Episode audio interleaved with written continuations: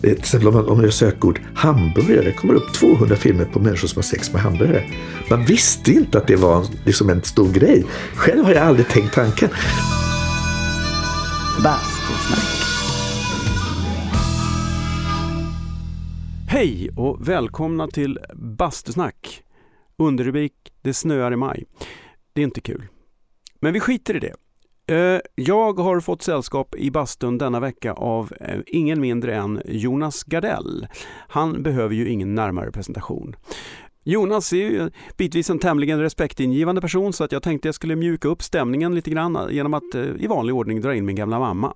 Jag drar alltid mammakortet när det behöver mjukas upp stämningar.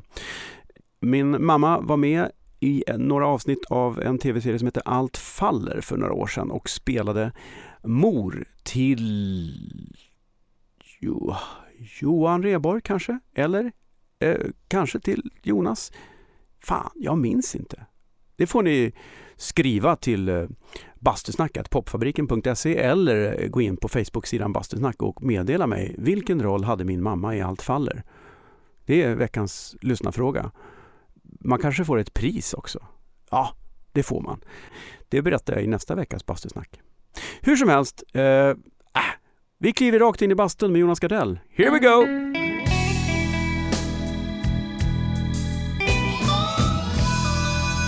Bastusnack.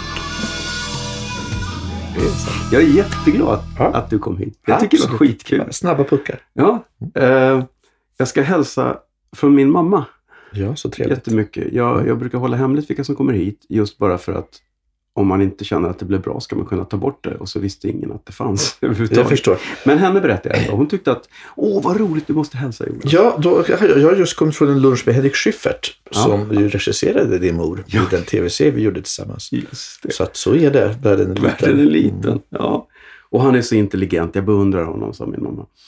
Eh, Om dig. Ja, men jag, alltså, jag beundrar Schyffert. Schyffert kan Ja, man också Henrik beundra. också säkert. Ja. Men det var dig vi pratade om. Ja, vad roligt. Det, för att Det var väl lite så också att det var, det var så råddig inspelning så att det var ingen, man fick väldigt få besked och ingen tog hand om någon. ja, Så att jag, tror- eftersom det var mycket väntan så, så hängde jag rätt mycket med din morsa.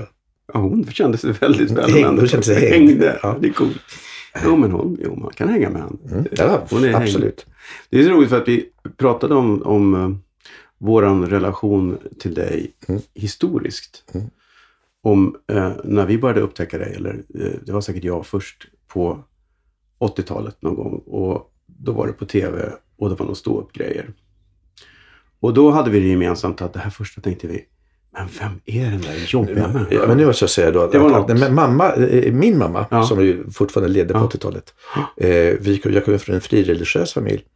Och ehm, eh, mamma tyckte väldigt mycket om allt jag gjorde. Ja. Men hon hade svårt för den här ståuppkomiken. Ja. För att den skulle vara så snuskig. Måste den vara så snuskig? Måste det under bältet? Jag tyckte mamma var besvärad av det. Och då hade jag just varit på tv med eh, stand comedy. Och, och mamma bestämde sig att hon skulle inte se. För hon tycker inte om den här stand-up comedyn. Nej. Och så hade hon inte sett det och så hade jag gjort succé och det hade varit väldigt roligt och det hade inte varit under bältet. Och alla hennes väninnor hade sett och hon ringde upp mig och sa att jag förbannar ödet. Sa hon. Jag förbannar ödet att jag inte sett detta. Så nästa gång jag var med i tv och skulle göra stand-up comedy så skulle mamma titta trots att hon inte egentligen tyckte om det. Och det enda jag gjorde det i avsnittet var slängde i brunnen Ja. var att jag gick in och Eh, med ytterkläder på, för jag kom direkt från gatan för jag var försenad. Och jag klädde av mig och dessutom att jag klädde av mig helt naken. När jag var helt naken så jag bockade och gick ut igen och var färdigt. Och morsan var så, du vet så här, var det verkligen nödvändigt? Jonas, var det nödvändigt att klä av sig i tv? Så att mamma, mamma, mamma hade väldigt svårt för, för stand-up-komedin. Det var, jag hörde någon stand-up-människa, eh, någon amerikan tror jag det var, som sa att om, det inte, om inte någon någonstans blir arg så är det förmodligen inte roligt. Ja, fast det, det här var lite mer att hon tyckte det var onödigt att jag var naken. Ja. Men vi pratade, jag och Schyffert då som käkade lunch nu, vi pratade just om det här att det, det kan ibland vara jobbigt när eh, jag gör inte mycket snusk. Jag gör väldigt lite snusk. Men det lilla snusk jag gör är ju explicit. Och just ett barn som är nio, då var nio år och någonting sitter i publiken och ska höra eh, kuksugarskämt. Det, det är, det, och, man, och de blir placerade på andra bänkraden så man ser dem. Det, ja, det är hemskt.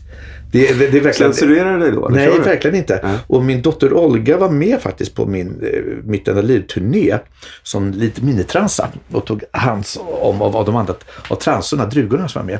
Mhm. Så hon har lärt sig sminkas, eh, sminka sig förut av killar bara, har lärt sig allt om kvinnlighet Okej. och killar.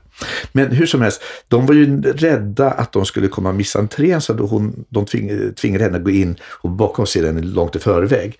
Så, och, den enda snuskiga i Mitt enda liv-showen var en monolog som hette getthefucktonight.com. Och Olga nu när jag, hon skulle se min senaste föreställning 30 år tillsammans. Jag sa att det blir lite snuskigt, inte mycket men det blir en liten. Då sa Olga att vet du, jag kunde getthefucktonight.com utan till. Såklart. Ja. Såklart, alltså, så det är ju, ja, det är, är är ju, och apropå snusk, nu måste jag berätta en helt annan sak också. Det är, du, du har ju inte så gamla barn ännu. Nej, är Men, Amos är ju i den ålder så att vi har sista åren sett Game of Thrones och de här, Mm. du vet Game of Thrones. Och det är rätt mycket, Mm. inte bara rätt mycket det, mycket naket, mycket sex, mycket snusk. Och det där när, när far och son, när det kom snusk, och det enda man kan göra är ju att stelna. Mm. Man får inte se ett ljud, man tittar rakt fram. och, visste. och, och man får inte andas. Går inte. Ja. Och det är lika genant för honom som för mig. Och, och, och, och först när det hela är över så kan man... Precis. Och börja. Jag vet. Ja, Ja, det förlåt, har jag upplevt med kom- både mina föräldrar och mina barn. Ja. Precis samma Vilken grej. var din första då? Din första snusk med föräldrarna? För jag vet Det vilken måste min ha var. varit någon... Oj. Eh, Nej, det måste ha varit någon tv-grej eller ja, nej, 70-tals... Nej, jag minns inte. Ja, för, för min var Gösta Ekman och Grynet Molvig som pippade i Mannen som slutar röka. Alltså Tage. Och, eh, och, och ja, det var stort. Det var länge liksom, en mycket varm eh, fantasi jag hade om Gösta och Grynet. Det var referensen. Ja, det var det jag hade. Det är väldigt Frikyrka fin referens. Ja, jättefin. Jag berättade för både Gösta och Ja. Grynet och båda var lite glada. Fint. Apropå Gösta nu som ju Ja, ska begravas här på måndag. ja. Det är det väl? Jag vet inte. Jag tror det är det. Vi ska är- gå på ja, tänkte jag. ja. Det, mm, det var tråkigt. Det var en bra kille. Men jättefin. Ja. Jag träffade honom en eller två gånger och, och fick ett otroligt varmt. Ja, han var, och han var också väldigt generös mot alla i branschen och sånt där. Och också Ja. vi som var unga och försökte vara roliga. Ja. Att, att Gösta kom och att Gösta brydde sig betyder väldigt mycket för en förstås. Men är det lätt så att när du började och var, eh, kämpade och försökte hitta din, din roll, så att säga. Var det tufft med de äldre? Eller i och för sig stå upp fanns det inte så många äldre, för det var Nej. så nytt. Vi hittade ju på genren. Ja. Alltså vad eh, Gösta var inne, alltså, hade det- oh, första gången jag träffade Gösta, eh, det, det var på en gala han gjorde för kurderna. Han var ju tidigt engagerad för kurderna. Mm. Alltså, det här var ju på ett 80-tal när kurderna var lika med PKK och utpekade Palmemördare. Och han gjorde på Folkan, där han spelade fars, gjorde han en eh, stödgala som blev alla eh, stora artister eh, tackade ja. Och jag var då i ropet. Jag hade Mm. kommit, eh, jag var ny och jag var young and coming, rising star. Och eh, var inbjuden att vara med där. Och jag gjorde, mycket, jag gjorde succé, Mm. stor succé. Och det, och det var lite det här att jag, och att jag tyckte det var så roligt att, att Gösta, att få visa Gösta att jag var Mm. rolig, Gösta Ekman att jag var rolig och att publiken var otroligt på noterna med det jag gjorde. Och Gösta Ekman kom in efteråt och så skulle avtacka mig och så tittade han och så tittade han en gång till på mig. Så ja, sa han och så nickade han. Det var ju, det var ju riktigt roligt det där. Och eh, han hade inte varit särskilt rolig på kvällen. Alltså, han hade inte det hade varit hans roll. Nej. Men han blev så pass stressad av att jag var kul att han satte igång och spexa på en gång. Han var Det- tvungen. Ja, han kände där, där, där, gick, där gick cirkushästen igång. Ja. Ska inte komma någon ung, ungspoling och lära, lära herr Ekman vart skåpet ska stå. Nej. Fast med kärlek. Ja. Ja, han, var, nej, han var alltid oerhört, både han och Marie-Louise är, ju, var och är ju underbart stöttande. Men Man hör ju historier om alla möjliga människor i, i branschen. Men jag kan inte komma på att jag har hört någon säga något taskigt om Gösta Ekman. Nej, det är väl han och Lill-Babs. Barbro vet jag inte någon som kan Nej, säga ett ord nej. om dem. Du har jobbat mycket med henne. Ja, Ja, ja. ja. Nej. Eh, ja, Men då, det så, för, för Barbro, Mm. eh, eh, nu ska vi se. Visst var det, Barbro gjorde sina soloshower absolut, Mm. men vilka var det som var tillsammans igen? Det var Wenche Myhre, original Mm. Originalet var Wenche, Barbro och Sivan. Sivan. Mm. För jag skrev ju, eh, apropå Nicke Strömstedt, jag skrev finalnumret till den showen. Till den, eh, en låt som heter Vi, vi vill inte gå hem. Mhm, Vi börjar om och om och om igen med massor av extra nummer.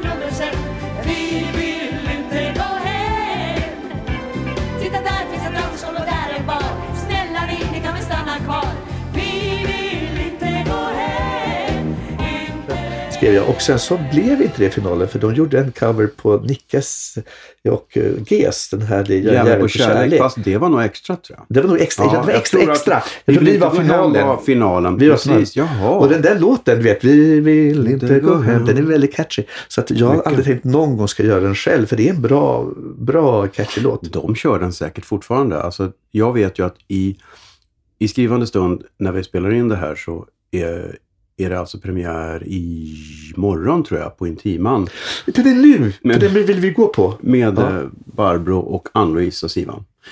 Eh, och det skulle inte förvåna mig om de kör, nej jag vet inte om de kör den, men de kanske kör det här fantastiska 20 minuters medlet med hittar. Det Ja. gjordes ju då till den, ett, när, dels med med Wenche först och sen gjordes den om när Ann-Louise kom in. Det är så 20 minuter lång låt. Med, Jag kommer med det. bara Det hitlåtar. fantastiskt. Och det, det är fan inte mer än fyra takter på varje låt. Nej, fast samtidigt är det så att i Sverige så har Wenche färre hits. Ja, kanske. Eh, där är Sivan ja. kan ju rada upp dem Ja. om vi säger. Ja. Men de fick ihop en Ja. fantastisk massa. Ja. Det, det, ja, Jag var med, för att det senaste var med Så ska du låta. ja. Eh, Så var jag med, jag och Johanna Pereira, min, eh, som var med mig i mitt enda liv, vi var mot eh, eh, eh, Amy Diamond och eh, Wenche Myhre. Mhm. Och då eh, hade vi eh, eh, tänkt som en hommage så repade vi in hela den här jag digger dig, jag digger Ja. dig, jag digg, digg, digger dig och det är ju rätt Det är rätt mycket text. text Mhm. och, och få in. Men det gjorde vi. Och eh, så hörde vi att Wenche vägrar göra den här. Hon, hon gör den inte. Ah. Ja, så vi tänkte okej då. Eh, eh, vet du det? Men då tänkte vi att då bjuder vi upp henne på scenen bara så ska vi göra en hyllning till dig. Ja. Och då förstod vi vad det skulle vara och då drog hon igång den innan vi hann och drog in den i ett, vi hade repat in den i ett tempo och hon drog in den upp, igång den i ett annat tempo. Och, var så här, och vi fick ju bara haka på och det där var ju direkt direktsänt, tag- inte direktsänt men du vet en tagning. Mm. Och vi sätter faktiskt hela inte lätt. eh, eh, tillsammans. Det var, det bara att just i, i dubbeltempo. Eh, ja, det var, det var, eh, det var, det var, men det var häftigt att få göra, göra den eh, som duett med Wenche själv. Utmaningar Eller triette som var tre. Mäktigt. Ja, det var Det mäktigt. Eh, man fick ju passa på med Så skulle låta just att vara med de här gamla tanterna. Jag fick göra Britta Borg, Ja. alltså, som för mig är ja. en betydligt, men hon är en stor legend i mitt liv. Britta Borg. Eh, och det var tror jag, det sista hon gjorde för hon hade lu- lungcancer och fick operera bort lungan Ja. sen. ja, men hon var ju fantastisk också. Vilken Mm. power. Mm. Det Hon var, var underbar. ja. Och sen får jag gjorde så skulle det med Lill Lindfors också så jag har betat av Jaha, du har gjort hela... Tantracet. Ja, det är ingen... Nu, nu, nu sist var det jag då som var tanten och så var Johanna yngre än mig. Ja, det blir så. Mm. Jag märker, jag var yngst när jag började i den här branschen. Jag var ju så, de kallar mig för pojkfan på börsen. Mm. Och så står jag plötsligt i logen nu med Danne-gänget och inser att här står jag och drar stories och är äldre än alla andra. Så är det ju. Det är lite läskigt. Redan 2001 gjorde jag en show där dansarna kom fram och de sa att de var så liksom, stolta att de fick vara med eftersom de hade vuxit upp med mig. Vadå upp? Ja, jag du blev- lika gamla? Vad fan? Ja, men jag blev ja, den här, det är ju kul att vara legend, men eftersom legend betyder ju också att man är mycket nära döden, troligen. Ja, eller ja. Eller mycket, mycket, mycket gammal.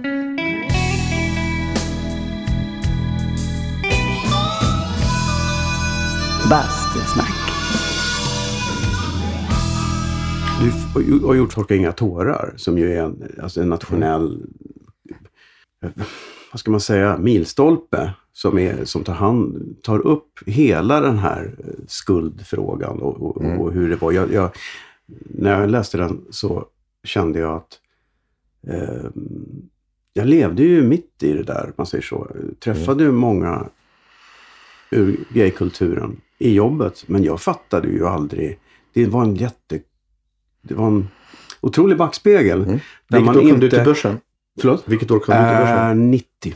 89, 90. Men du har inte med de första Nej, men jag har ju en bakgrund inom Ja. teater Mm. och, och så. Va? Så jag har ju mycket, jag växt upp på teater och också. Det var ju liksom, jag tillhör ju dem där det var ett naturligt inslag att Mm. träffa, träffa homosar.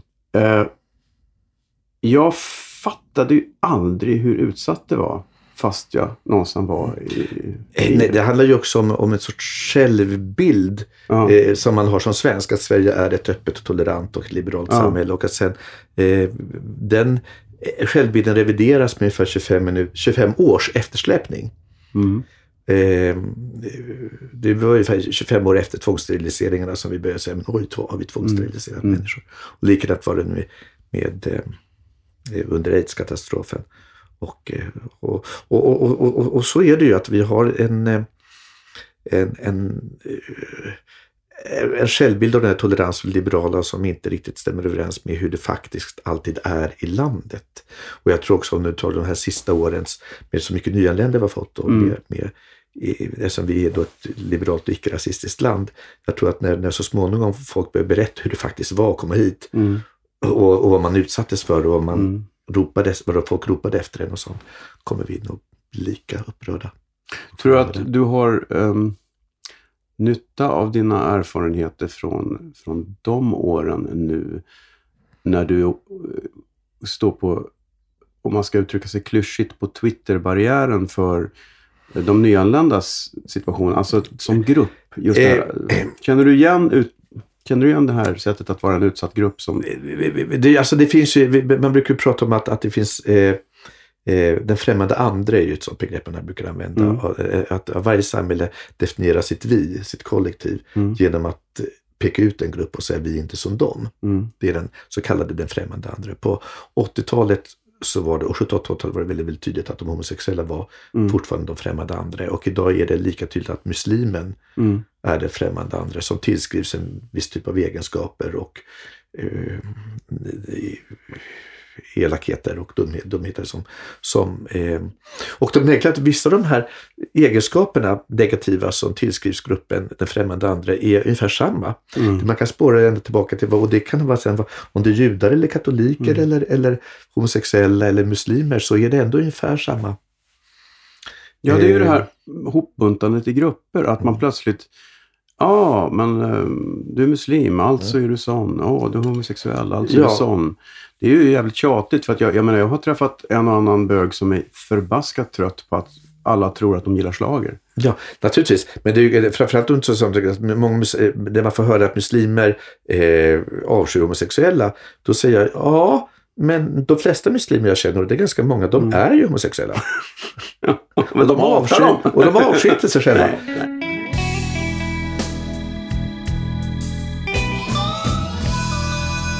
Bastusnack.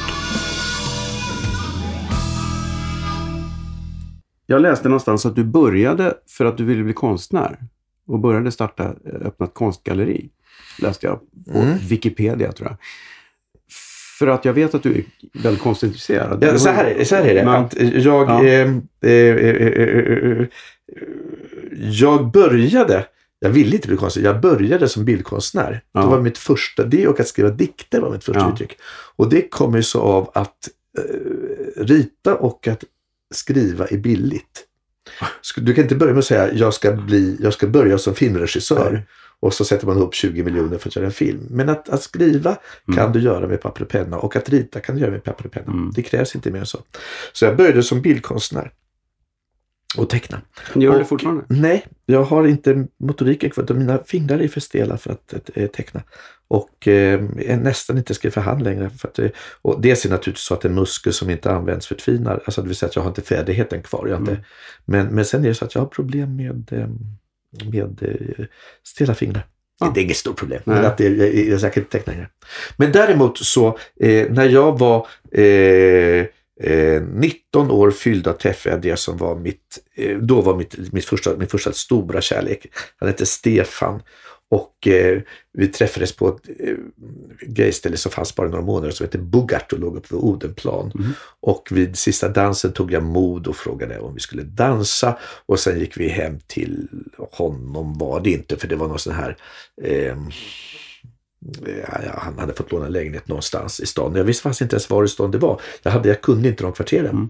Och eh, det var lite häftigt för att när vi eh, eh, spenderade natten tillsammans med den här lägenheten så jag blev sådär, inte bara förälskad utan, utan det var allt, alla liksom alla mina, mitt, min ungdoms bördor och elände lades bara av mig.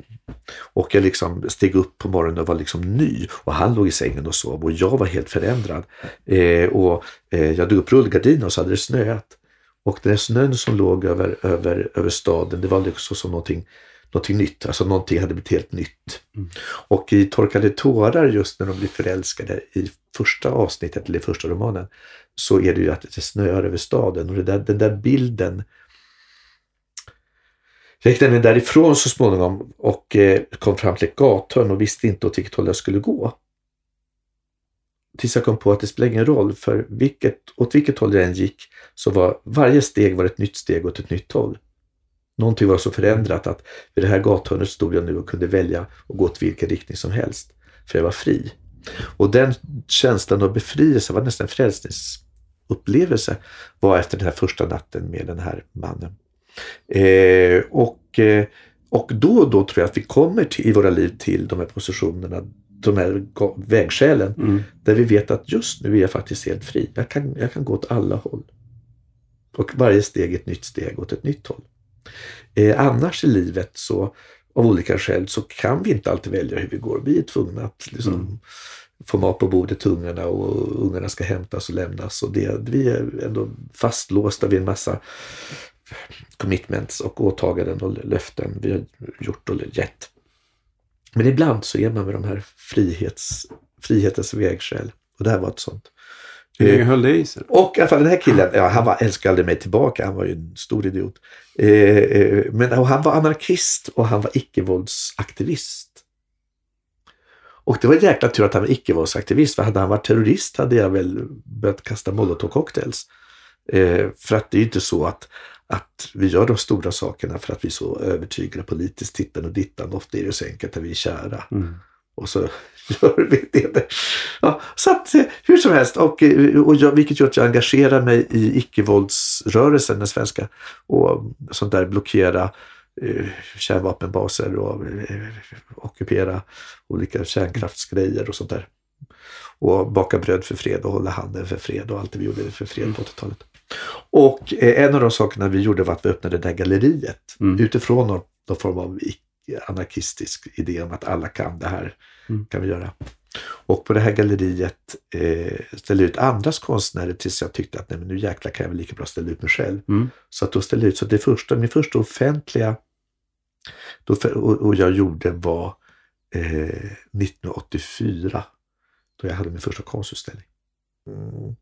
Och, eh, och den blev en relativ framgång, med, alltså med mycket små mått mätt, men dock. Eh, och där, eh, eftersom vi ofta inte hade så mycket kunder eller gäster på galleriet, så satt jag eh, och, och skrev. Så det var där min första roman blev till. Jag hade liksom tid att skriva för det var ing, vi, hade av någon anledning som var idiotisk öppet mellan 12 på dagen och 9 på kvällen varje dag. Varför? Eftersom det var helt uncalled for. Det fanns ingen på allmän begäran här inte. Det inte. Men vi hade det, så att, och det var i stort sett bara jag som satt där. Men det är väl för att det är härligt att ha ett galleri? Ja, ja, det var, ja, det var väldigt mysigt. Ja. Va? Det var väldigt roligt. Men att, det- och jag skrev då min första roman där i väntan på de kunder som inte kom. Och så på förmiddagarna så jobbade jag som krokimodell hos- för att tjäna pengar till. Men du känns som en person som måste göra någonting för att inte bli galen. Alltså du måste kreera, skapa. Ja. Eller gör, alltså, Ja, och jag är väldigt disciplinerad. ja. Jag går upp sex på morgonen, tränar och sen sätter jag mig och jobbar. Mm. Eh, och skriver. Och, Hela dagen då? Eller har du stopptid? Att du kör liksom, nu kör jag fyra timmar och sen gör jag något annat, går på stan eller? Nej, jag går inte mycket på stan. Nej. Sen kan jag, jag tittar väl på porr. Det är min distraktionsgrej. Jaha. Ja, det tycker jag är kul. Jag, jag är väldigt Ja. förtjust i porr. Jag tycker det är, jag, alltså jag har inte så mycket hobby så jag får väl säga att det är min enda hobby. Ja, vad fan. Ja, men man, Det- folk är så ja. olika. Eh, eh, och eh, eh, det är lite roligt om jag får prata en grej om porr. Det är ju sådär också att jag, nu, nu kan jag, jag tycker om att titta på väldigt konstiga saker. Jag kan sådär Mm. se, för folk är så märkliga. Eh, Till exempel om man, om man gör sökord hamburgare kommer det upp 200 filmer på människor som har sex med hamburgare. Man visste inte att det var en, liksom en stor grej. Själv har jag aldrig tänkt tanken. Men när man ser de här hamburgerfilmerna brunstigast på burgare så börjar man ju ändå tycka att det här är ju... Men vad fan kommer de på ja, det? det? Ja, precis. Så jag gjorde en text om det här i en show klart. 2010 som, eh, som var för det måste ha funnits en första gång. Det Ja, måste första ja. gången man går in på Ja, ja. McDonalds och man tänker Åh, du vet man känner att det blir, mm, vilken liten Big Mac. Så där, eller hur? Och man blir lite så här till sig. Så jag tycker det är lite roligt. Okej. Men, men, så, så att, eh, men annars är jag väldigt disciplinerad när jag inte slår i- upp hamburgare. En annan rolig grej med porr är ju också att om jag ska titta, jag är ju inte någon, jag är ju 53. Och jag vill inte titta på massa ungdomar som håller på. Jag blir bara jag, ju- jag, utan jag vill titta på, på, i så fall på killar i min egen ålder. Och sökordet i så fall är grandpa. För om man tycker daddy bara, det är 30-åringar. Men är- ska man upp i 50-årsåldern då är det en grandpa. Grandpa. Det är bara att hacka i sig. Shit. Jaha, vad är man? 70 då? Är det är liksom nekrofili? Det här kanske blir en, en, en trolltext en annan gång. Grandpa. Nå, men, men eh, fördelen med att vara författare är att du alltid kan skriva. Det finns alltid Mm. finns något jag kan redigera Mm. eller hålla på med. Eh, eh, sen så växelverkar jag ju mellan romaner och, och tv-serier och långfilmer och roligheter. Och också sångtexter som också är ett annat sorts skrivande, romanskrivandet. Eh, för jag har skrivit ganska många sångtexter vid det här laget.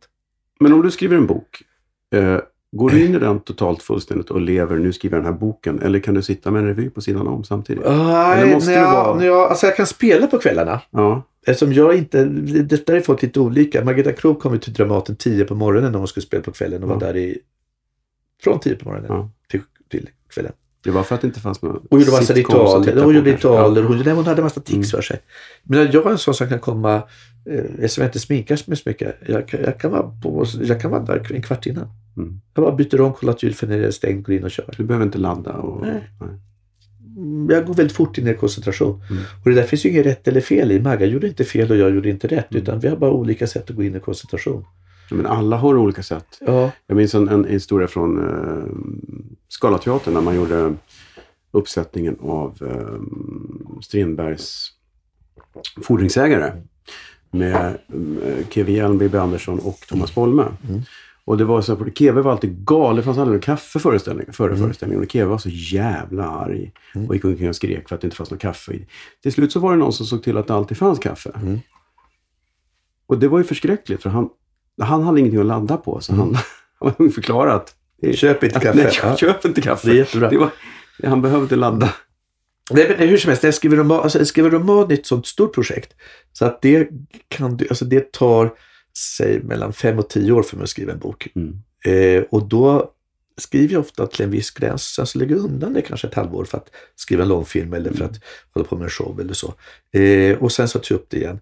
Eh, däremot kan jag inte skriva en timme på en pjäs och en timme på en långfilm och en timme på en bok. Utan, utan jag håller på med ett Mm. projekt i taget.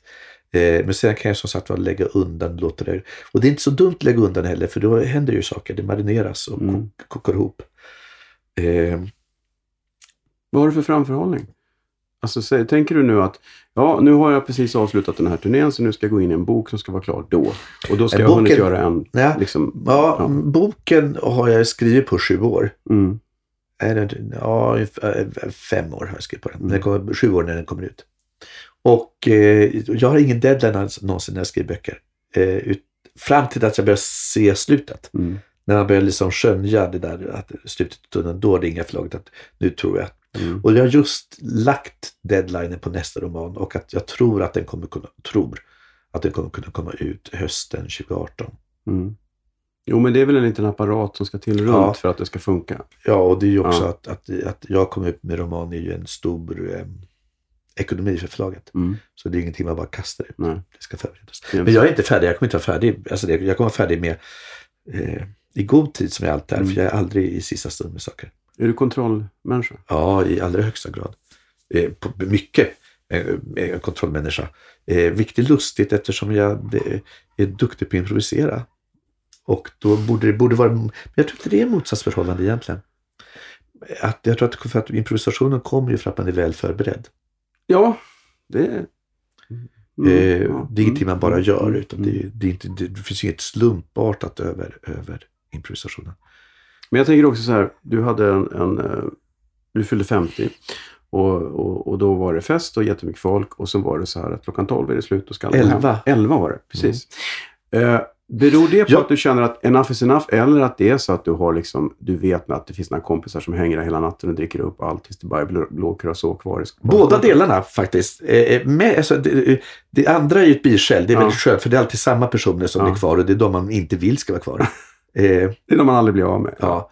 Men eh, där, jag tycker om gränser. Jag tycker om att veta Mm. att det är något är slut är det slut. Jag behöver sätta gränser och det där är, jag har säkert en, alltså jag är säkert en bokstavskombination i botten. eh, Som så många av oss eh, i den här generationen där vi inte blir diagnostiserade. Diag, diagnostiserade. Men jag tyckte det var bra. Eh, Ja, jag jag, tyckte det var jättetrevligt. Nu är det klart, hej då, hej då. Och vi kom hem och för det första hade vi, var vi ju, det var inte så sent så man kunde göra något dagen efter, men Mm. Man hade utnyttjat kvällen. Man Mm. visste att det är så här och det var Precis, verkligen det är skittrevligt. den där tanken att Ja. om, man, om man vet att det här är mellan Ja. eh, 18 och 20, 23, det är fem timmar. Ja. Du hinner göra ganska mycket på fem timmar. Eh, men det, och att då vet jag också, då kan jag disponera kvällen. Ja. Jag vet att det är de här fem timmarna Ja. jag har på mig. Och man vet också att man inte, eh, ska vi gå vid nio, ska vi gå till nej, Mm. elva är det slut. Ja.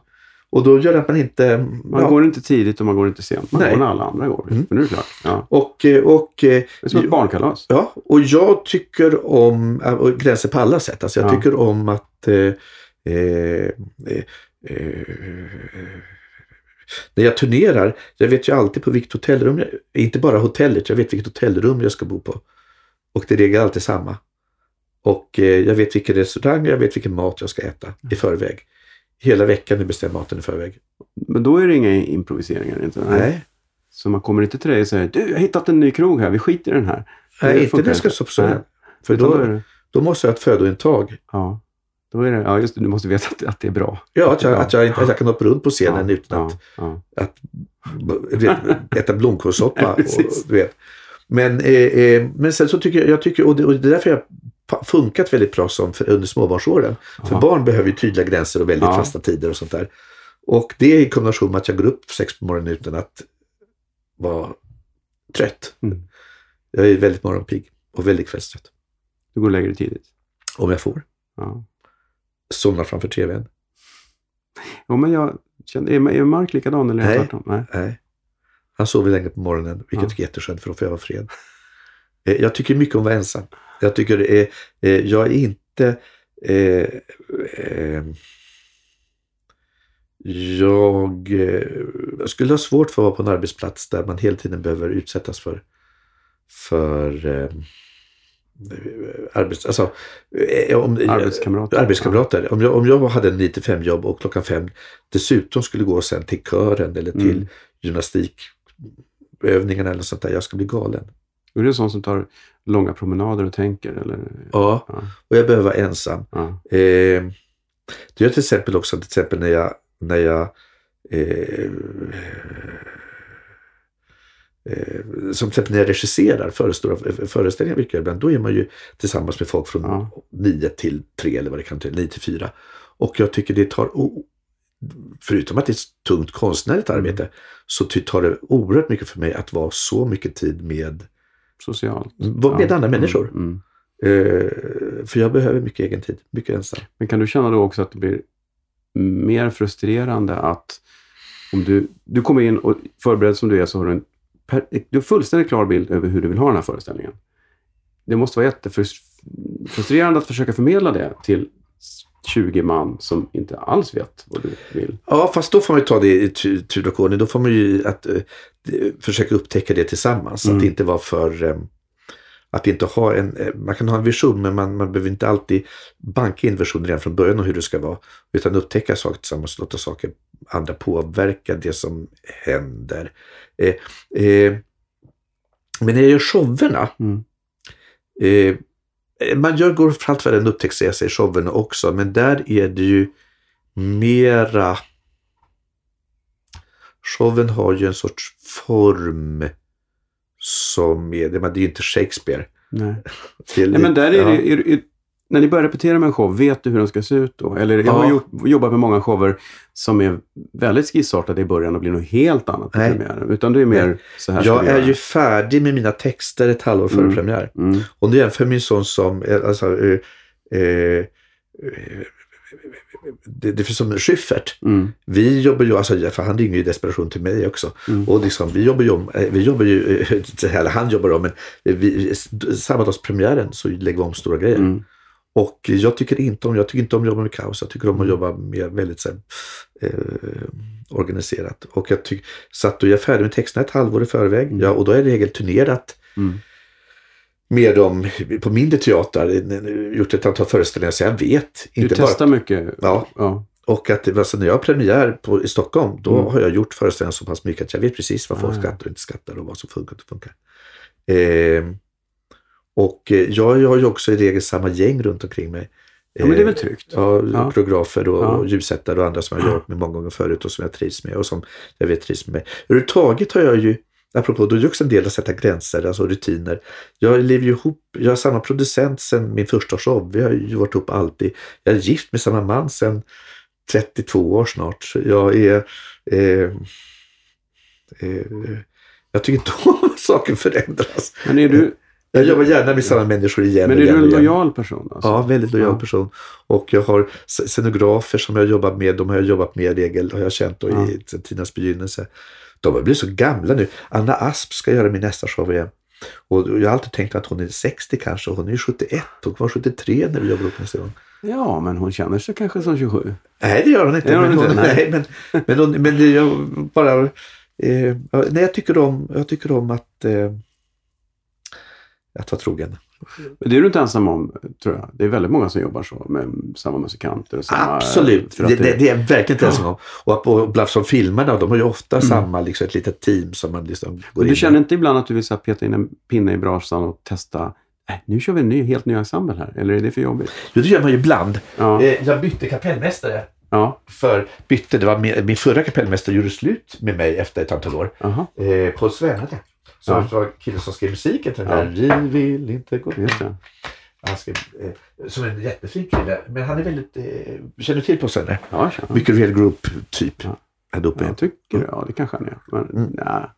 Han är, väldigt, Ja. han är, han är Ja. elegant, men Mm. han, är, han är väldigt exakt. Mm. Tillsammans, han och Kristoffer Nergård som ju var min andra pianist Mm. Jag första med tiden. mycket. Ja. Mm, jag vet, han har varit mycket på börsen han är också väldigt elegant. Ja. Medan min kapellmästare nu var ju Martin Jonsson från Ja. Blackness. Som ja. är... Han är lösare. Ja, precis. Ja. Du förstår. Ja. Här, för jag vill ha någon som slamrar och svänger.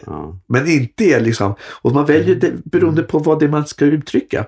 Och, och jag har nog kommit fram till att mina shower ska vara så, det ska ju vara livsglädje och det ska vara jävla närma. Men Martin för mig, han är ju som den där hunden i Mupparna som spelar trummor som liksom...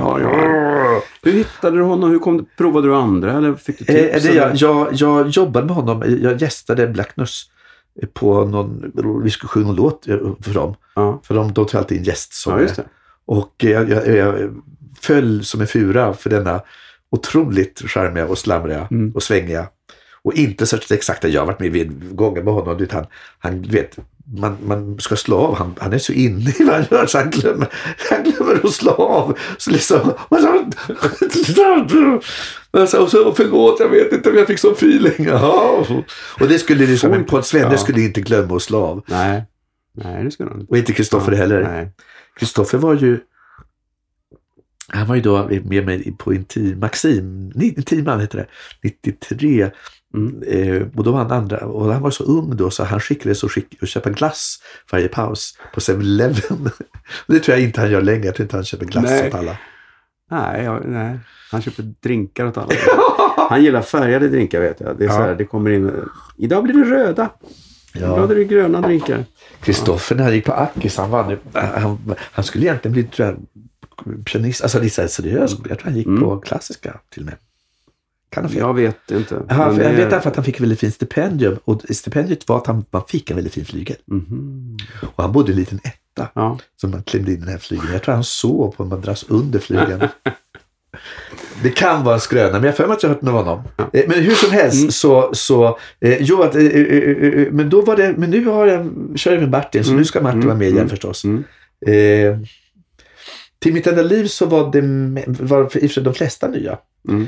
Förutom Roger Lyb. Nej förresten, koreografen var samma, scenografen var samma, Mm. producenten var samma. Eh, och hälften av låtarna var skrivna av Fredrik Kempe. Nej, jag, jag tar men det var rätt mycket nytt.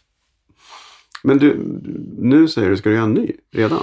Nej, 2019. Ja, du är inte ens klar med den gamla menar jag. Nej, Ja. alltså, jag ska Ja. göra en ny, men, Ja, men att göra, göra en stor show av det slaget, det är en förproduktion Oh, på två år. Oh ja, Eh, hostar man inte ur sig bara. nej, nej. Eh, och, och man måste hitta sort och man ska hitta...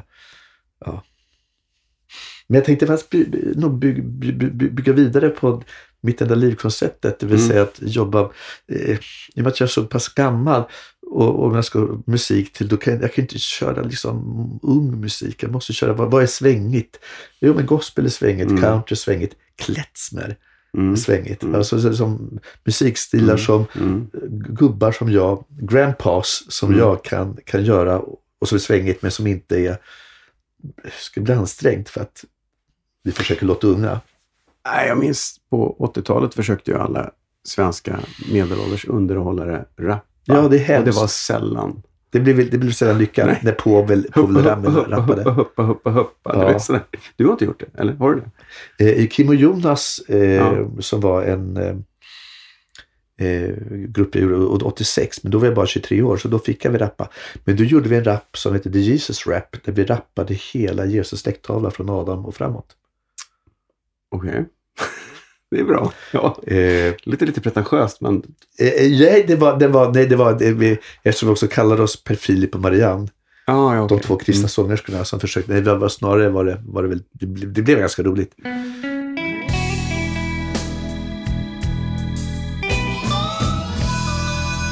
Bastusnack.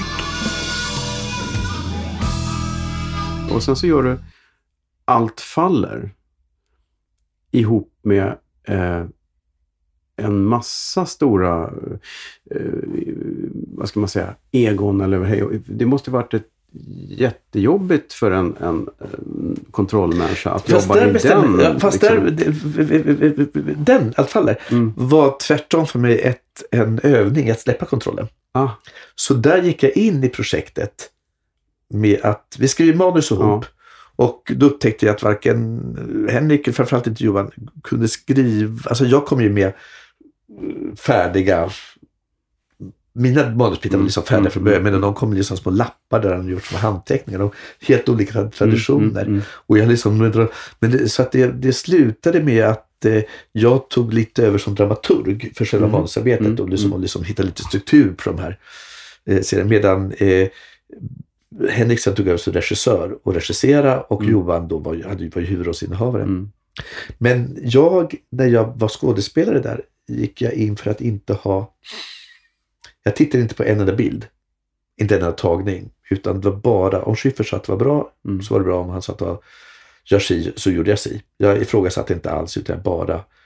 Han fick helt och hållet bestämma. Mm.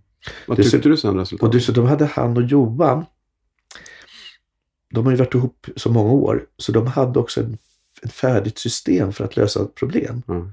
Och om jag någon gång försökte, Hallå? Så upptäckte att de, de var inte särskilt intresserade av att lyssna på det. Och inte för att vara elaka, utan för att de, de hade ett fungerande system. De gör som de brukar. Ja, ja, och då gick jag ut till din morsa istället satt och pratade med henne. Eller Marie Göransson och pratade med henne. Ja, ja. Och det, var, och det tyckte jag om. Jag tyckte, jag tyckte allt faller blev bra. Jag tyckte några avsnitt var bättre än andra. Mm. Det vill säga, de jag hade skrivit det först. Nej, men, eh, eh, eh, eh, jag tyckte när de gånger vi inte gick ner och gjorde sketch Ja. så var det bra. Det var ett par gånger där jag tyckte det var för mycket sketch Mm.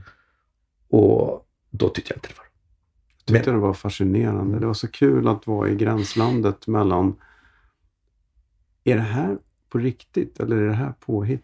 Det Ja, här, jag tyckte, Det jag tyckte fungerade att det fanns en riktig smärta i programmet, alltså Mm. att, i serien. Eh, Och det gjorde ju också att TV4 blev ju oerhört, inte, de blev bestörta när de insåg att de här, de kört tre folkkära komiker Mm. och fick något som var så oroligt Mm. som det här. För i alla fall, det var ju inte en komediserie egentligen. Eller var det det så var det den mycket svart. Men komedi är som bäst där det finns allvar också. Alltså, det är- Absolut. Men du, Men säg det till de som eh, tittarsiffrorna, för det, det var ju, vi hade ju en miljon Ja. på första och vi var nere på Alltså var det så? Ja, den, den, men, ja. men folk tyckte mycket om de som såg, de som blev kvar på slutet, de 400 000 eller vad det var. De älskade ju programmet. Mm. Men, och, det, och jag tycker inte det är något fel. Det var ju inte, det, problemet var ju att vi inte skulle ha en miljon tittare från början. Mm. Nej, Det var inte, det var, nej. det var, det var, vi skulle ha haft 400 000 från början. Det var 600 000 som såg fel, fel tv. Ja, ja, så bytte de till nästa vecka. Ja, och det var bra. Ja. Kunde de se lödder istället. Ja, men det, och det tycker jag är, det är rätt.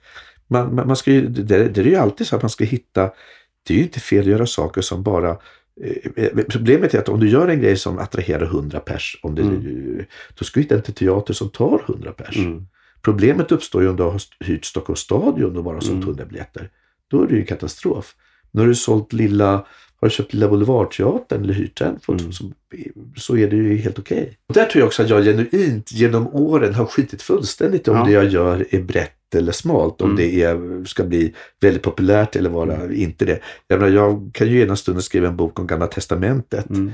som är, torde vara hur smart som helst för att nästa dag vara programledare i Melodifestivalen. Och, jag har, och där har jag aldrig brytt mig om. Jag har Men aldrig det ska vara roligt. Det är ju inte därför man gör saker. Man gör det för att man själv är intresserad och för att man tycker det är roligt. Ja, eh, eh, så, eh, så är det. Och att det... Eh, jag pratade med Marcus Birro igår av alla människor som... Eh, som, som har ju varit i en situation där när han skrev så fick han betalt per klick. Och det finns en oerhörd fara i att få betalt Ja. per klick. För det gör ju att du så småningom lär dig vad ger klick. Mm. Jo, och så visar det sig att om man uttryckte en viss typ av åsikter Mm. som kanske var åt det mer liksom, högerpopulistiska hållet, då fick han mera klick. Alltså mera klirr i kassen. Mm. Och det där är ju livsfarligt. Nu håller han på att försöka komma tillbaka från det där och liksom Mm. inte att liksom hitta tillbaka till, till tryggare marker. Eh, och, eh, men det där är ju... Men det handlar väl om att jag vara inte- sann mot sig själv jag har också. aldrig fått, jag har aldrig brytt mig om, alltså jag har aldrig fått betalt per klick och jag har aldrig brytt mig om det. Eh, men likadant så tycker jag inte det heller det finns någon idé att man ska vara svårare än nödvändigt. Jag tycker om att vara tillgänglig. Jag tycker om Mm. att göra saker som eh, om det går så är det klart jag vill att jättemånga ska tycka om det jag gör. Det vill säga att vilja titta, men inte på vad som helst. Men du har ju en gigantisk publik. Du, har ju, du är ju Sveriges mest eh, Sveriges största twittrare också. Jag har sett Mm. flera år på raken. Och det, Ja, Twitter är väl också... ja, det är pseudo. Ja. Det, det är inte, kanske inte så många som... Twitter, Nej, men det jag är- sätter ju fart. Ja. Säger du någonting blä, blä, blä, så kan det bli väldigt... Det kan bli ett respons på det, Respons. absolut. Ja. Det, tröttnar du aldrig på att, att, att vara den där eh, åsiktsmaskinen Jonas? Eh, eh, ja, jo då, det gör jag förstås. Eh, även om jag inte tycker jag är en åsiktsmaskin. För att det jag inte är till skillnad från alltså, eh, åsiktsmaskinerna, de måste uttrycka den här typen, för de är Twitter en livsviktig Mm. plattform för att, för att uttrycka eh, åsikter som positionerar dem rätt så att de också blir inbjudna till Agenda och Opinion Live och, Mm. och de morgonsofforna och att de kan få skriva artiklar. Och det är, för det, det är, de, deras, det är deras levebröd. Mm. Det är det de tjänar pengar på. Därför blir det livsviktigt för dem att de upprätthåller Mm. åsiktandet och att de gör det väldigt tydligt utifrån den image eller den position som just de har, ifall de är konservativa eller om de är Mm. vänster eller så. Och det gör att vi blir väldigt låsta i våra positioner. Mm. Eh, och det är väldigt svårt att komma upp i de positionerna för att då, då är du inte längre tydlig i din identitet och blir inte längre bjuden till sofforna. Nej. Jag eh, har ingen sån position att bry mig om. Jag ska inte till sofforna. Nej, men jag så ska fort inte du säger någonting så... Ja, det får ett eko, men Ja. jag, behöver inte, jag behöver inte när jag säger någonting tänka om det här behagar den eller den gruppen Nej. och jag får klick eller för det eller det. Är, vilket gör att jag står nog mycket friare när jag uttrycker en åsikt. Eh, och jag tycker naturligtvis, eh, det vill säga att har, vi en, har jag skapat en plattform där jag kan uttrycka en åsikt om samhället så, så som manssamhället ser ut idag med högerpopulism och Mm. eh, fake news och så vidare så har jag också en skyldighet att, att göra det. Mm. Det vill säga jag, jag kommer inte, och det kommer naturligtvis från min, min frikyrkouppväxt, att jag har ett ansvar för det Mm. samhälle jag lever i och det, hur det samhället ser ut. Och så har jag alltid varit. Och sen så råkade jag bli känd och då, men det gjorde ingen skillnad. Jag fortsätter att, liksom att, att och, det är ju en förlängning från, eh, ja, idag kanske jag inte ockuperar kärnvapenbaser. Nej. Men det är egentligen en förlängning av det tänkandet att jag har ett ansvar. Och, Ja, som en... Du har ju en megafon. Mm. Men du, är du hårdhudad? Du måste ju få... För du, jag menar, vet du, du, du får ju ofantligt mycket skit också Mm. av trollen. Vaknar man inte imorgon och tänker, fan, jag orkar inte. jo, det finns dagar då man vaknar man, vet, man vaknar med till frukost, man blockar. Ja, Eh, eh, liksom, ork, fan, ja, stäng men det är mycket värre från kvinnliga journalisterna. De får mycket värre. Ja. Och ja, det finns inte heller de, de sätt som går att mordhota mig på. De kan inte variera det längre. Jag har liksom hört alla varianter om hur mina genitalier ska skäras av och stoppas upp i mitt anus. Att de kan inte, liksom, de kan inte hitta nya sätt att göra det på. Däremot om man inte har blivit utsatt för det så tror jag att man blir väldigt chockad Mm. och väldigt eh, rädd första gångerna. Men jag blir inte det längre. Nej. Jag har fått höra det för många gånger. Eh, på Du svarar inte ens. Du bara tar bort.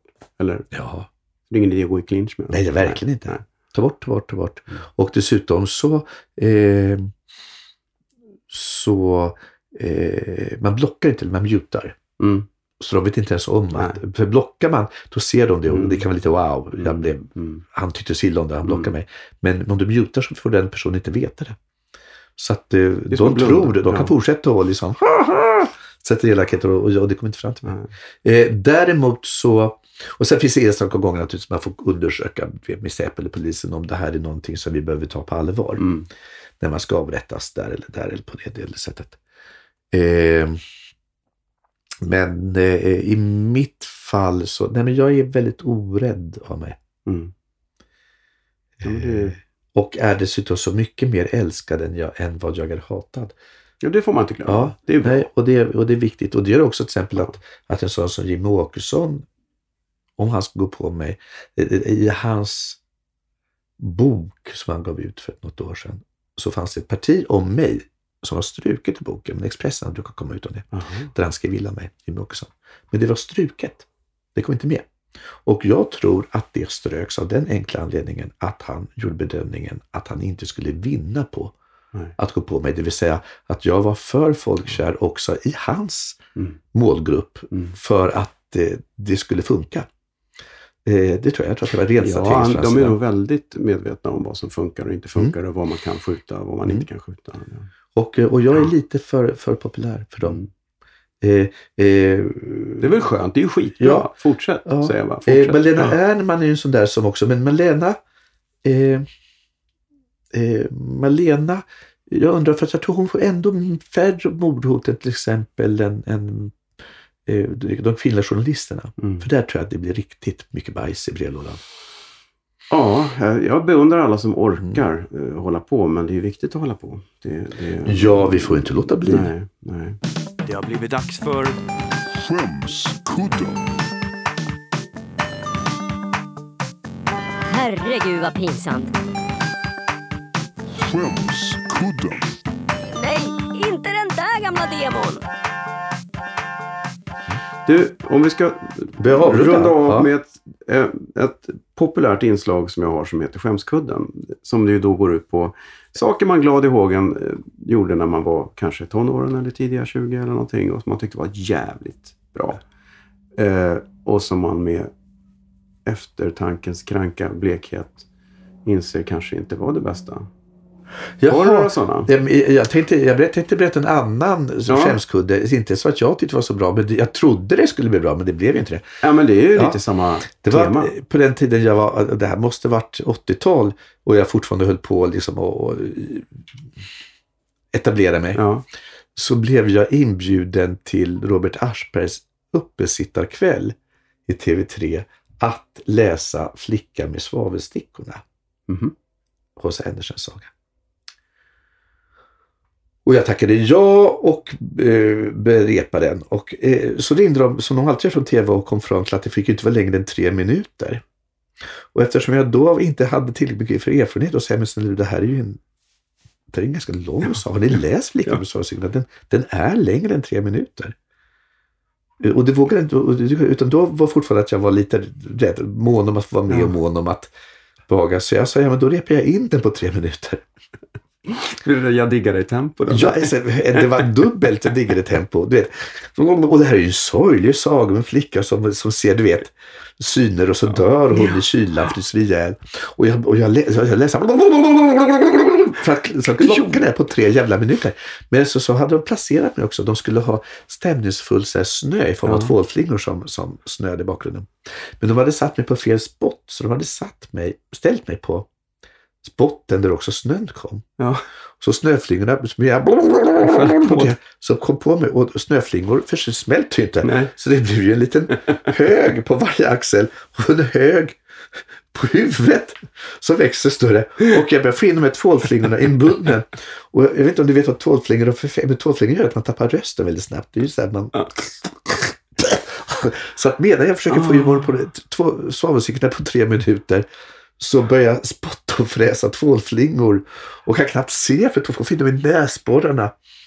Och det, var- det var mina, mi, mitt livs värsta minuter i, i, I direktsändning. i direktsänd tv. Åh, fy fan. Ja. Eh, tyvärr, Ja. jag har försökt hitta, att, att, men jag tror de har stekt där, för det vore väldigt roligt att se. Det kanske finns någon som har det på VHS. Någonstans. Nej, men jag tror inte, jag, kanske absolut, Ja. så det, de som spelade in Något det. fan. Ja. Men det var, det var, det var och, då, och då lärde jag mig så att, nej, att, att, att, att du måste själv göra bedömningen om går det här att göra på den Det var tiden. den dagen du blev kontrollfreak. Ja, ja precis. Ja, verkligen, det var då jag sa var "Nu enough! jäklar, enough is enough. Ja, men jag vill tacka dig Jonas. Vad kul att du kom och Tack så mycket. Tack för att du vara här. Bastuklubb med Jonas Gardell. Ja, Det är- fantastiskt. Fan vad mysigt. Ja, verkligen.